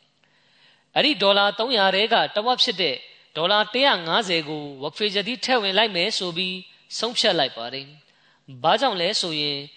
အဲ့ဒီချိန်ကျွန်တော်ဟာကျမ်းမြတ်ကုရ်အာန်ထဲကကဒအဖလာဟာမန်ဇကာဟာမိမိကိုယ်ကိုစင်ကြယ်အောင်ပြုသူသည်အောင်မြင်လေပြီဆိုတဲ့အာယတ်တော်ကိုသတိရမိတာကြောင့်ပါပဲဒီလိုနဲ့ကျန်တာထည့်ဝင်ပြီးကျွန်တော်ရဲ့နေ့စဉ်အသုံးစရိတ်တွေကိုဖယ်လိုက်ပြီးနောက်ကျွန်တော်ထံမှာ2ဒေါ်လာပဲကျန်ပါတော့တယ် ဒီဇင်ဘာလနောက်ဆုံးရက်သတ္တပတ်မှာကျွန်တော်မိသားစုဝင်တွေကဂျော်ဂျီယာသို့လာပါတော့မယ်သူတို့ကိုဘယ်ပတ်စံနဲ့အဖို့ပြုရမလဲဆိုပြီးကျွန်တော်စိတ်ပူနေပါတယ်ဒါပေမဲ့ကျွန်တော်မိသားစုဆွေမျိုးတွေကျွန်တော်ထံရောက်ရှိလာချိန်မှာတော့အလရှမြတ်ကအကြောင်းကံတစ်ခုခုနဲ့ကျွန်တော်ရဲ့ဗန်စင်းထဲမှာဒေါ်လာတစ်ထောင်ရောက်ရှိအောင်ပြုလုပ်ပေးခဲ့ပါတယ်ဒီအတွက်ကျွန်တော်ဟာအလရှမြတ်ကိုများစွာကျေးဇူးတင်ရှိပါတယ်ဒီလိုရရှိခြင်းဟာကျန်တာထဲ့ဝင်ခြင်းရဲ့ဘာရကတ်ဖြစ်တယ်လို့ ကျွန်တော်သဘောမှတ်ပိုက်ပါတယ်ခလီဖာသခင်ကြီးမိန့်ကြားတော်မူပါတယ်ဒါကစဉ်းစားပုံစဉ်းစားနည်းနဲ့လည်းဆိုင်ပါတယ်လော်ကီရေးသမားကတော့မိမိဝင်ငွေရရှိခြင်းကိုတခြားပုံစံနဲ့စဉ်းစားပါလိမ့်မယ်ဒါပေမဲ့ဘာသာတရားကိုင်းဆိုင်သူတယောက်ကတော့အလရှမြတ်ထံကဖဇလ်ကျေးဇူးတော်ကအရှင်းလန်းမှာလှူဒန်းသုံးဆွဲတဲ့အတွက်ရရှိခြင်းဖြစ်တယ်လို့သဘောမှတ်ပိုက်ပါတယ်။ကင်ညာနိုင်ငံမှာမွာလင်ဆပ်ကရေးပါတယ်။ ကျွန်တော်တို့ဂျမတ်မှာနောင်မဘာအင်ဂျမတ်ထဲအသက်ဝင်ရောက်လာသူအမျိုးသမီးတဦးရှိပါတယ်။သူ့နာမည်ကခတီဂျာဆာဟီဘာဖြစ်ပါတယ်။သူမကသူနာပြုကျောင်းမှာဆရာမဖြစ်တာဝန်ထမ်းဆောင်နေသူဖြစ်ပါတယ်။နှစ်ဆမှာသူမကဝက်ဖေဂျဒီကျန်တာအတွက်ရှီလင်ငွေ900ထည့်ဝင်မယ်ဆိုပြီးဂရိပြုခဲ့ပါတယ်။ဂရိပြုတဲ့အတိုင်းအမှန်တကယ်လဲထည့်ဝင်ခဲ့ပါတယ်။ကျွန်တော်ကငွေလက်ခံဖြတ်ပိုင်းပေးဖို့သူမရဲ့အကြောင်းကိုလိုက်သွားခဲ့ပါတယ် နောက်တစ်နေ့မှာဆီယာမကကျွန်တော်အိမ်သို့ရောက်ရှိလာပြီးကျွန်တော်ဇနီးကိုကျမအနေနဲ့နောက်ထပ်ရှီလင်ငွေ900ထည့်ဝင်လိုပါတယ်ဆိုပြီးပြောပါတယ်ဒီလိုနဲ့ work fee ဒီအတွက်သူမရဲ့ထည့်ဝင်မှုကစုစုပေါင်းရှီလင်ငွေ1000ဖြစ်သွားပါတယ်သူမကဒီလိုအလူငွေထည့်ဝင်ရခြင်းကအလရှမြတ်ထံတော်ကနောက်ထပ်ဘရကတ်များစွာကို မျှော်လင့်တာကြောင့်ပါပဲကျွန်တော်အိမ်ပြန်ရောက်တဲ့အခါကျွန်တော်ဇနီးကအကျိုးကြောင့်ရှင်းပြတာကြောင့် ကျွန်တော်ကသူမအတွက်နောက်ထပ်ငွေလက်ခံဖြတ်ပိုင်းကိုဖြတ်ပေးပါတယ်ငွေလက်ခံဖြတ်ပိုင်းကိုဆီယမထံပေးတဲ့အခါဆီယမကပြောပြပါတယ်ကျမရဲ့သားတစ်ယောက်ကကောလိပ်မှာပညာသင်ကြားလျက်ရှိပြီးသူ့ရဲ့ပညာသင်စည်းအတွက်အစိုးရထံစာတင်ထားပြီးကျမပန်ကြားစာကိုလက်ခံနဲ့ပြန်စာမရရှိသေးဘူးဖြစ်နေတယ်ဒါပေမဲ့ဒီနေ့မှာပဲကောလိပ်ကနေကျမစီဖုန်းဝင်လာပြီးကျမသားအတွက် လိုအပ်တဲ့ပညာသင်ထောက်ပံ့စရိတ်စီလင်ငွေ3000ကိုကောလိပ်ကျောင်းရဲ့ငွေစင်းထဲမှာထည့်ပေးလိုက်ပြီးဖြစ်ကြောင်းအကြောင်းကြားလာပါတယ်ဒီအတွက်ကျွန်မအလွန်စိတ်အေးသွားခဲ့ပါတယ်အင်ဒိုနီးရှားနိုင်ငံမှာအမီရ်ဆပ်ကရေးပါတယ်အင်ဒိုနီးရှားနိုင်ငံရဲ့မြို့တစ်ခုမှာရှိသောတင်းငယ်တဲ့ဂျမတ်တစ်ခုမှာအဗ်ဒူရဟီမ်ဆိုတဲ့ပုဂ္ဂိုလ်တစ်ယောက်ရှိပါတယ်သူကပြောပြပါတယ်ကျွန်တော်ဟာနှစ်စဉ်နှစ်တိုင်းဝက်ဖေဂျဒီဒ်ဂရီပြုံငွေကိုပေးဆောင်လေးရှိပါတယ် 2020ခုနှစ်ကကျွန်တော်တို့အလွန်ခက်ခဲရုန်းကန်ရတဲ့နှစ်ဖြစ်ပါတယ်အကြောင်းကတော့အဲ့ဒီနှစ်မှာကျွန်တော်အလုံးမရှိဖြစ်နေတာကြောင့်ပါပဲနင်းနေငယ်အရင်ကပဲကျွန်တော်ဟာကျွန်တော်အလုပ်ကနေအငိမ့်စားယူခဲ့ပြီးဖြစ်ပါတယ်ယာရုကနေအငိမ့်စားယူပြီးနောက်မှာကျွန်တော်ကအယောင်ဝယ်လုပ်ငန်းလုပ်ကိုင်ဖို့ကြိုးစားပါတယ်အဲ့ဒီမှာလဲကျွန်တော်မအောင်မြင်ခဲ့ပါဘူးလက်ထဲသိမ်းဆည်းထားတဲ့ငွေတချို့ကလည်းတဖြည်းဖြည်းနဲ့ကုန်ခန်းနေပါပြီ ဝက်ဖေဂျဒီဒ်နှစ်ကလည်းကုံဆုံးပါတော့မယ်ဝက်ဖေဂျဒီဒ်အတွက်ဂရိပြုထားတဲ့ငွေပမာဏကိုလည်းရရှိမဲ့လမ်းမမြင်ဘူးဖြစ်နေပါလေအချိန်တွေကကျွန်တော်တို့အလွန်ခက်ခဲတဲ့ခက်ခဲလာနေပါတယ်ကျွန်တော်အသက်က62နှစ်ရှိပြီဖြစ်တာကြောင့်အလုပ်ရရှိဖို့ဆိုတာအလွန်ခက်ခဲပါတယ်ဒီလိုကြောင့်ကျွန်တော်ဟာပုံမှန်တာကျွတ်ဝိပြုပြီးအခက်ခဲတွေပြေလည်စေဖို့တဝါဆူတောင်းပါတယ်ခလီဖာသခင်ထံသို့လည်းဝက်ဖေဂျဒီကျန်တာထဲ့ဝင်နိုင်ဖို့ ကျွန်တော်တို့ဒဝါဆူတောင်းပေးပါဆိုပြီးစာရေးပါတယ်ဒီလိုနဲ့နှစ်ကုံပိုင်းမှာအလရှမြတ်ကကျွန်တော်ကိုဝက်ဖေဂျဒီကျန်တာထဲ့ဝင်နိုင်အောင်လမ်းဖွင့်ပေးခဲ့ပါတယ်ဝက်ဖေဂျဒီကျန်တာထဲ့ဝင်ပြီးနောက်မှာအရာရှိဟောင်းတဦးထံကဖုန်းဝင်လာပြီးအင်တာဗျူးဖြေဖို့အတွက်ကျွန်တော်ကိုဖိတ်ခေါ်ပါတယ်ဒီလိုနဲ့ကျွန်တော်အင်တာဗျူးဖြေပြီးနောက်အလုပ်ရရှိသွားပါတယ်ဒီအတွက်အလရှမြတ်ကိုကျေးဇူးအထူးတင်ရှိပါတယ်ကျွန်တော်ကိုဖိတ်ခေါ်တဲ့လူကကျွန်တော်ကိုဓာတ်ရိုက်အလုပ်ခန့်မဲ့အလုပ်ရှင်တဦးမဟုတ်ပါဘူး ပြီးတော့ကျွန်တော်ကယာရုတာဝန်ကနေအငိမ့်စားယူခဲ့တာနှစ်ပေါင်းများစွာကြာမြင့်ခဲ့ပါပြီဒီတော့ကျွန်တော်ကိုမှရွေးပြီးဘာကြောင့်အလုတ်ခန့်ခဲ့ရတာလဲဒါဟာအလရှမေဖဇလ်ကျေးဇူးတော်အဖြစ်ကူညီမှုပဲဆိုတာကျွန်တော်နားလည်လိုက်ပါတယ်ဒီလိုနဲ့ဒီအသက်ရွယ်ရောက်မှကျွန်တော်ဟာပုံမှန်ဝင်ငွေတစ်ခုကိုရရှိလာပါတော့တယ်စီနီဂေါနိုင်ငံမြို့တစ်ခုမှမဘလစ်ဆပ်ကစာရေးပြောပြပါတယ်ကျွန်တော်ကဂျမတ်ကိစ္စနဲ့အနေနဲ့ရရက်တို့ခရီးလက်လဲတွာလာရင် တနေရာမှာစံတာအလူဒါနထဲ့ဝင်ဖို့နဲ့ပတ်သက်ပြီးနှိုးဆော်တိုက်တွန်းပါတယ်ခလီဖာသခင်တင်ပြတဲ့စံတာထဲ့ဝင်ခြင်းကြောင့်ရရှိအပ်တဲ့ဘရကတ်ကောင်းကြီးမင်္ဂလာဖြစ်ရတွေကို ပြောပြပါတယ်ဒီခါဥစမန်ဆာဟစ်ဆိုတဲ့အာမဒီပုဂ္ဂိုလ်တဦးကခုလိုပြောပြပါတယ်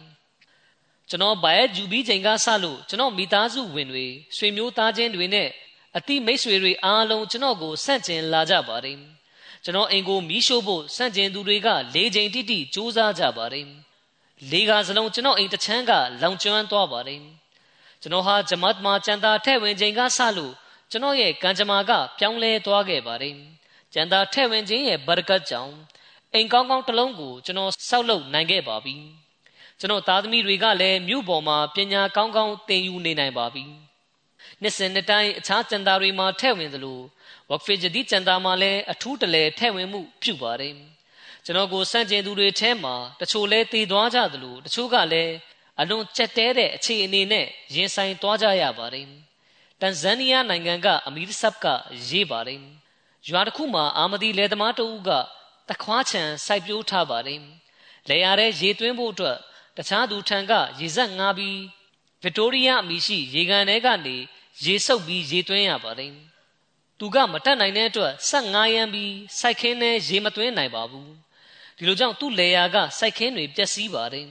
။အဒီနာမှာရှိတဲ့လေယာပိုင်ရှင်တွေကတော့ရေစက်ငားပြီးရေသွင်းနိုင်ကြပါတယ်။သူတို့တွေကအဲ့ဒီအာမဒီလေသမားရဲ့အခြေအနေကိုကြည့်ပြီးရင်မောကြပါတယ်ကျွန်တော်တို့ရဲ့မွာလင်ဆပ်ကအဲ့ဒီလေသမားကိုကျန်တာထဲ့ဝင်ဖို့နှိုးစော်တိုက်တွန်းပါတယ်ဒီလိုကြောင့်သူကလည်းသူ့မှာရှိတဲ့ရှီလင်ငွေတစ်ထောင်ကိုဝက်ဖေဂျဒီကျန်တာမှာထဲ့ဝင်လိုက်ပါတယ် မွာလင်ဆပ်ကသူ့ကိုငွေဖြတ်ပိုင်းပေးပါတယ်အဲ့ဒီနောက်ပိုင်းမှာလေသမားကမိမိကြုံတွေ့ရတဲ့ဖြစ်ရပ်ကိုမွာလင်ဆပ်အားပြောပြပါတယ်အဲ့ဒီကြောင့်ကိုမွာလင်ဆပ်ကဂျမာတ်အလုံးမှုဆောင်အစည်းအဝေးမှာပြောပြပါတယ်အဲ့ဒီရွာမှာပထမဆုံးမိုးရွာတော့အာမဒီလေသမားရဲ့စိုက်ခင်းထဲကိုရွာချခြင်းဖြစ်ပါတယ်မိုးအဆက်မပြတ်ရွာသွန်းမှုကြောင့်လေယာစိုက်ခင်းတစ်ခုလုံးရေတွေပြည့်ရှံသွားပါတယ်ကျန်တာထဲ့ဝင်တဲ့ဘာရကတ်ကြောင့် အလရှမြတ်ကကျွန်တော်ကိုအခုလိုပေးသနာတော်မူခဲ့ခြင်းဖြစ်ပါတယ်စီရာလီယွန်နိုင်ငံမှမိုဘလစ်ဆပ်ကရေးပါတယ်စီရာလီယွန်နိုင်ငံမှအာမဒီကျောင်းဆရာတဦးကပြောပြပါတယ်ကျွန်တော်ကဝစီယကျန်တာနဲ့အခြားကျန်တာရန်ပုံငွေတွေကိုပေးဖို့ကြန့်ရှိနေပါသေးတယ်။အကြောင်းကတော့လွန်ခဲ့တဲ့နှစ်တွေတုန်းကအစိုးရကဝန်ထမ်းတွေကိုလစာပေးတဲ့နေရာမှာအလွန်ကြန့်ကြာခဲ့တာကြောင့်ပါပဲ။ကာလအတိုင်းအတာတစ်ခုထိစားဖို့နေရေးအတွက်အလွန်ခက်ခဲသွားခဲ့ပါတယ်။မိတို့ဆိုစဉ် ကျွန်တော်ကမိတ်ဆွေတဦးထံမှပတ်စံချင်းငားပြီးဝစီယကျန်တာနဲ့အခြားကျန်တာတွေကိုထည့်ဝင်ခဲ့ပါတယ်။ကျန်တာထည့်ဝင်ပြီးနောက်မှာဆန်ရဲ့အရေးသွေးကိုလေ့လာဖို့အတွက်ဂီနီကိုနာဂရီနိုင်ငံသို့တွားရောက်ဖို့အစိုးရကဆေလွတ်မဲ့အဖွဲ့ထဲမှာရွေးချယ်ခံရပါတယ်။ဒါပြင်ကျွန်တော်ဟာအလွန်ကောင်းမွန်တဲ့အိမ်တစ်လုံးကိုလည်းရရှိခဲ့ပါတယ်။ဒီနောက်2022ခုနှစ်မှာကျင်းပတဲ့ UK ဂျယ်ဆာမတိုင်ခင်အိမ်မာ TV နဲ့ MTA ကြည့်ဖို့ဆလောင်းတက်ဆင်နိုင်ခဲ့ပါတယ်။ ဒီထက်ပိုပြီးအလရှမစ်ရဲ့ဖဇလ်ကျေးဇူးတော်ဖြင့်ဂျပန်နိုင်ငံကာဂိုရှီမာတက္ကသိုလ်မှာ PhD ဘွဲ့အတွက်ပညာသင်ဖို့ဝင်ခွင့်တင်တဲ့အခါကျွန်တော်ဝင်ခွင့်ကိုလက်ခံခဲ့ပါတယ်။အဲ့ဒီနောက်ကျွန်တော်ဟာဂျပန်နိုင်ငံသို့ပညာတော်သင်သွားဖို့ရွေးချယ်ခံရပါတယ်ဒီလိုကြောင့်ပြီးခဲ့တဲ့နှစ်ကတည်းကအခုချိန်ထိကျွန်တော်ဟာဂျပန်နိုင်ငံမှာပဲရှိနေပြီးပညာသင်နေပါတယ်ဂျပန်နိုင်ငံမှာလည်းအလရှမဲဖဇလ်နဲ့ဂျပန်နိုင်ငံဂျမတ်နဲ့အဆက်အသွယ်ရှိပါတယ် စီဒါလီယွန်အစိုးရကကျွန်တော်မိသားစုကို နေထိုင်ဖို့အိမ်ယာပေးခဲ့တယ်လို့မိသားစုအတွက်တည်တံ့လစာကိုလည်းတတ်မှတ်ပေးထားပါတယ်ဒါတွေကကျွန်တော်ရဲ့အီမန်ကိုတိုးတက်ခိုင်မာစေတဲ့အကြောင်းကံတွေဖြစ်လာခဲ့ပါတယ်ဒါပြင်ဒီလိုတွေဖြစ်လာရခြင်းက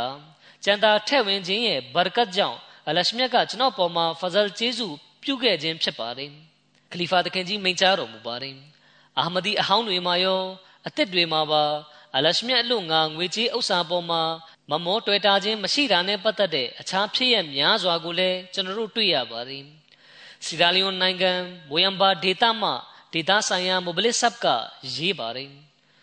ဂျမာခွတ်ဘာဟောကြားရင်ဝက်ဖေဂျဒီချန်တာထဲ့ဝင်လူရန်ကြဖို့ဂျမတ်ဖွဲ့ဝင်တွေကိုနှိုးဆော်တိုက်တွန်းပါတယ်။တာဝကတော်တွေက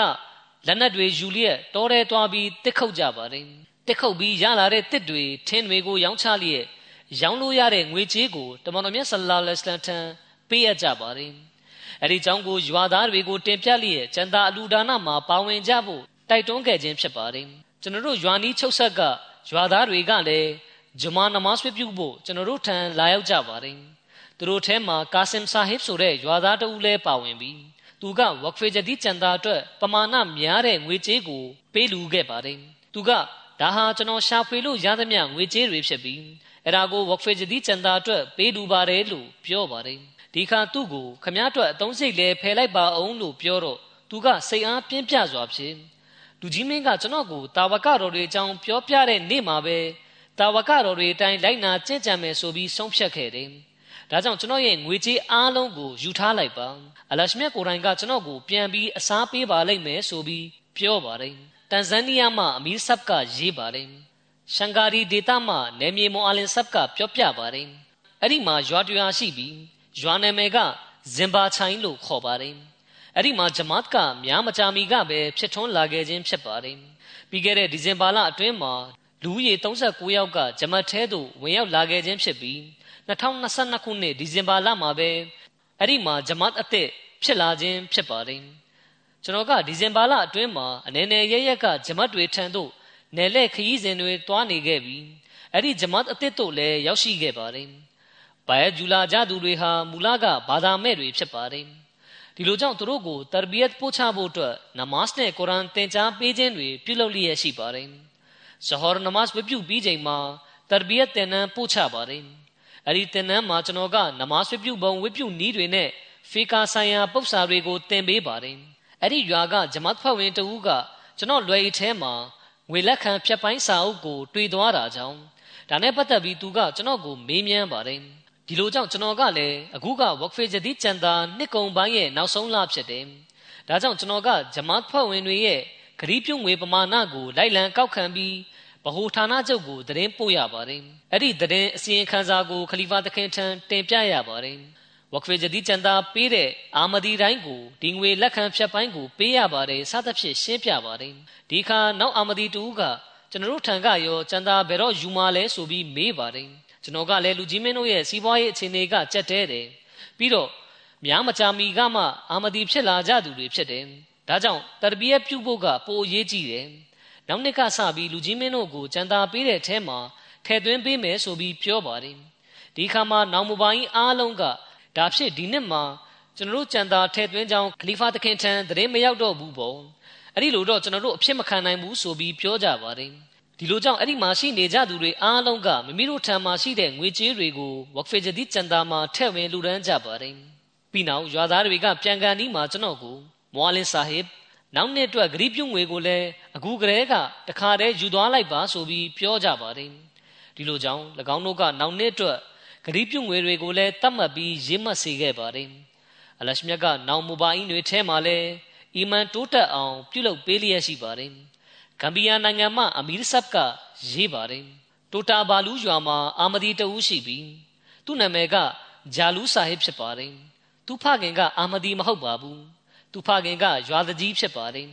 အမြဲတမ်းနာမကျန်းဖြစ်နေတတ်ပါတယ်ဒီလိုကြောင့်အာမဒီဖြစ်တဲ့သူ့ရဲ့သားကပဲရွာရဲ့အရေးကိစ္စတွေကိုစီမံခန့်ခွဲ ထိမ့်သိမ်းစောင့်ရှောက်ရပါတယ်။ဒီနေ့မှာအဲ့ဒီအာမဒီပုဂ္ဂိုလ်ရဲ့ရွာသို့အစ္စလမ်လူမှုကယ်ဆယ်ရေးအသင်းကရောက်လာပါတယ်။လူမှုကယ်ဆယ်ရေးအသင်းကလူတွေက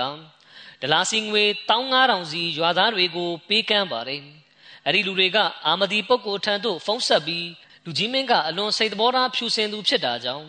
လူကြီးမင်းနဲ့လူကြီးမင်းရဲ့ဖခင်ကိုကူညီတော်အဖြစ်ဒလာစီငွေ3000ကိုပေးရလိုပါတယ်။ဒါပေမဲ့လူကြီးမင်းကအာမဒီဖြစ်နေတာကအခက်တွေ့နေပါတယ်။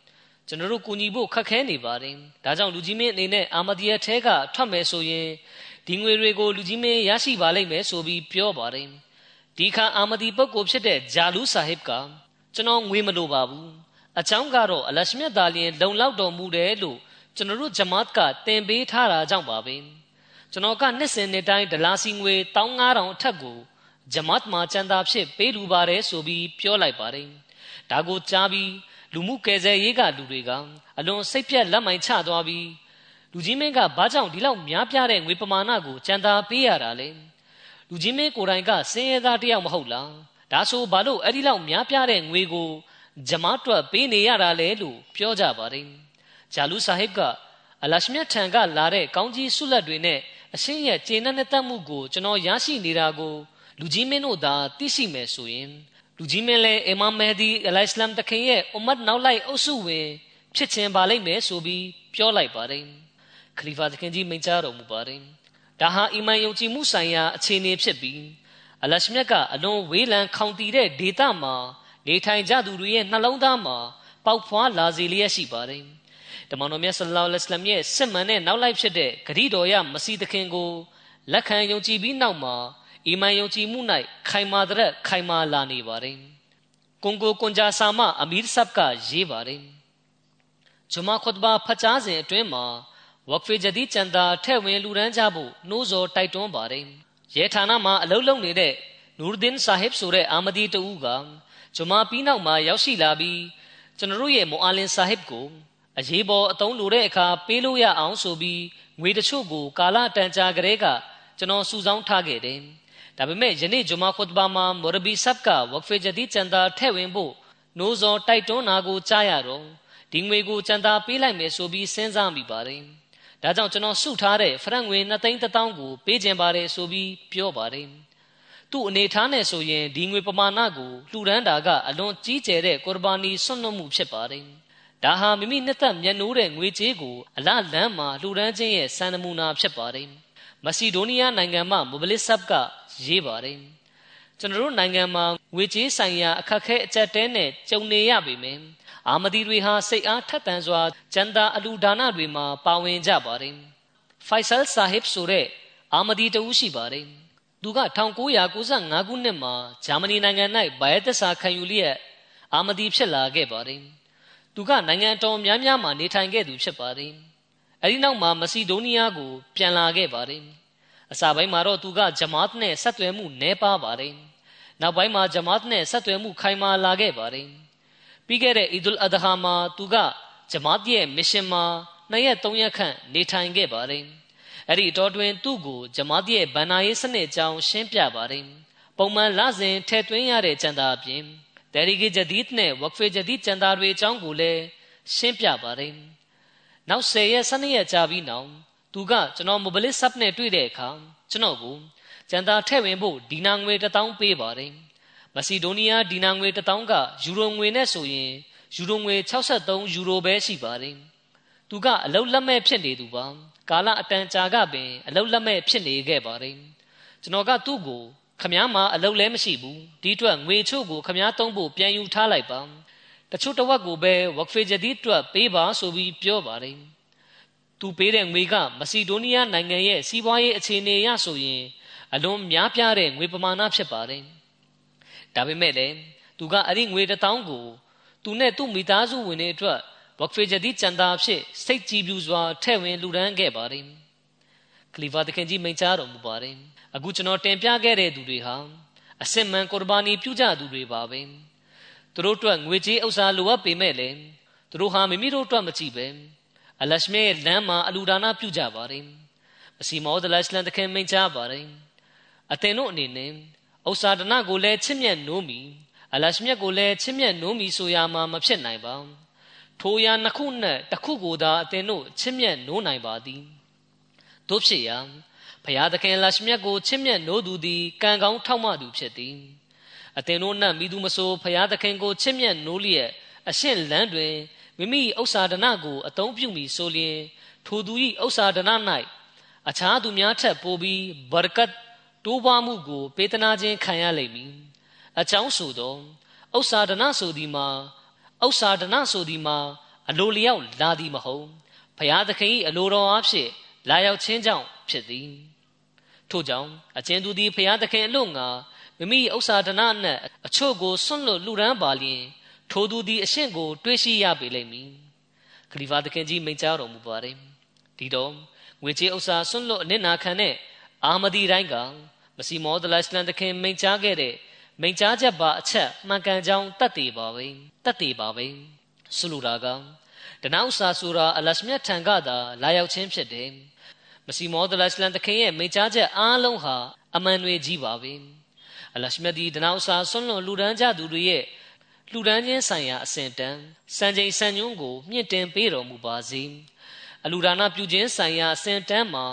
မြင်မာမှုမရှိကြတဲ့ငွေကြေးပိုင်းအရပိုကောင်းတဲ့အခြေအနေမှာရှိကြသူတွေအနေနဲ့လည်းမစီမောဒလရှလန်တခင်ရဲ့အောက်ဖော်ပြပါမိန့်ကြားချက်ကိုသိရှိနားလည်သူတွေဖြစ်နိုင်ကြပါစေ။မစီမောဇလိုင်စလန်တခင်မိန့်ကြားတော်မူတာက အလရှမြတ်ဒီအသင်တို့၏လူရန်ပေးဆက်မှုကိုလိုအပ်နေသောအရှင်မဟုတ်ချေအရှင်မြတ်ကအသင်တို့အားလူရန်နိုင်အောင်အခွင့်အရေးပေးခြင်းသာဖြစ်ကြောင်းနားလည်ပါလိဒီတော့အလူဒါနာပြုရာမှာဆေးနဲ့တွန့်တော်သူတွေအနေနဲ့လည်းမစီမောဒလစလန်တခင်ကြီးရဲ့ဒီမိန့်ကြားချက်ကိုအထူးအာရုံစိုက်ရပါမယ်။ဂျမတ်ထဲမှာရှိကြတဲ့ငွေကြေးချမ်းသာသူတွေကိုနားလေတီဆွမ်းနိုင်အောင်အလရှမြတ်ပြုပေးတော်မူပါစေအာမင်အခုကျွန်တော်အနေနဲ့ ပြီးခဲ့တဲ့နှစ်65ကြိမ်မြောက်ဝက်ဖေဂျဒီကောက်ခံရရှိမှုဆိုင်ရာအစီရင်ခံစာကို တင်ပြပါမယ်အလရှမေဖဇလ်ကျေးဇူးတော်အဖြစ်ဝက်ဖေဂျဒီရဲ့65နှစ်မြောက်ကဒီဇင်ဘာလ31ရက်နေ့မှာကုန်ဆုံးခဲ့ပါပြီဇန်နဝါရီလ1ရက်နေ့ကစပြီး66နှစ်မြောက်စတင်ပြီးဖြစ်ပါတယ်ပြီးခဲ့တဲ့နှစ်ဝက်ဖေဂျဒီကျန်တာကောက်ခံရရှိမှုကစတာလင်ပေါင်12.2တန်းကျော်ကောက်ခံရရှိခဲ့ပါတယ် 64နှစ်မြောက်မှာကောက်ခံရရှိမှုထက်စတာလင်ပေါင်9သိန်း2800ပုံမူကောက်ခံရရှိခဲ့ပါတယ်အလ်ဟမ်ဒူလ illah ယနေ့အခါသမယမှာကမ္ဘာစီးပွားရေးအခြေအနေကရိမ့်ရိုင်နေလင့်ကစားကူးလောက်ထိကောက်ခံရရှိတာကအလရှမေရဲ့ဖဇလ်ကျေးဇူးတော်ပါပဲဒီနေ့မှလည်းဝက်ဖေဂျဒီကျန်တာစုစုပေါင်းကောက်ခံရရှိမှုနှုံးအများဆုံးမှာပြည်တိန်ဂျမတ်ကနံပါတ်1မှာရှိပါတယ်ဒီနောက် ကနေဒါဂျာမနီအမေရိကန်အိန္ဒိယဩစတြေးလျအရှေ့အလယ်ပိုင်းမှနိုင်ငံတစ်ခု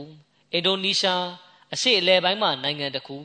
ဘယ်လ်ဂျီယံစတဲ့နိုင်ငံတွေကအဆင့်အသီးသီးဖြစ်ပါတယ်ဒီနောက်ဝက်ဖီဂျဒီထက်ဝင်မှုနှုံထားအများဆုံးရရှိတဲ့နိုင်ငံတွေထဲမှာနံပါတ်1ကအမေရိကန်ဂျမားဖြစ်ပါတယ်အဲဒီနောက်ဆွစ်ဇာလန် UK ဩစတြေးလျကနေဒါစတဲ့နိုင်ငံတွေကအဆင့်သီးသီးဖြစ်ပါတယ် ဒီနောက်တဖန်အာဖရိကနိုင်ငံတွေထဲကစုစုပေါင်းကောက်ခံရရှိမှုနှုန်းအများဆုံးနိုင်ငံတွေထဲမှာနံပါတ်1ကဂါနာဖြစ်ပါတယ်အဲဒီနောက် Mauritius, Nigeria, Burkina Faso, Tanzania, Liberia, Gambia, Uganda, Sierra Leone, Benin စတဲ့နိုင်ငံတွေကအဆင့်သီးသီးဖြစ်ပါတယ်ဒီနှစ်မှာ Workfare ဂျဒီကျန်တာထဲ့ဝင်လူဒန်းသူအရေးအတွက်က1.56တန်းဥယေရှိပြီး ပြီးခဲ့တဲ့နှစ်ကထက်6100ဦးရေပိုများလာပါတယ်။အလူဒါနာပြုသူတွေရဲ့အသက်အိုးအိမ်နဲ့ဒနာဥစာမှာ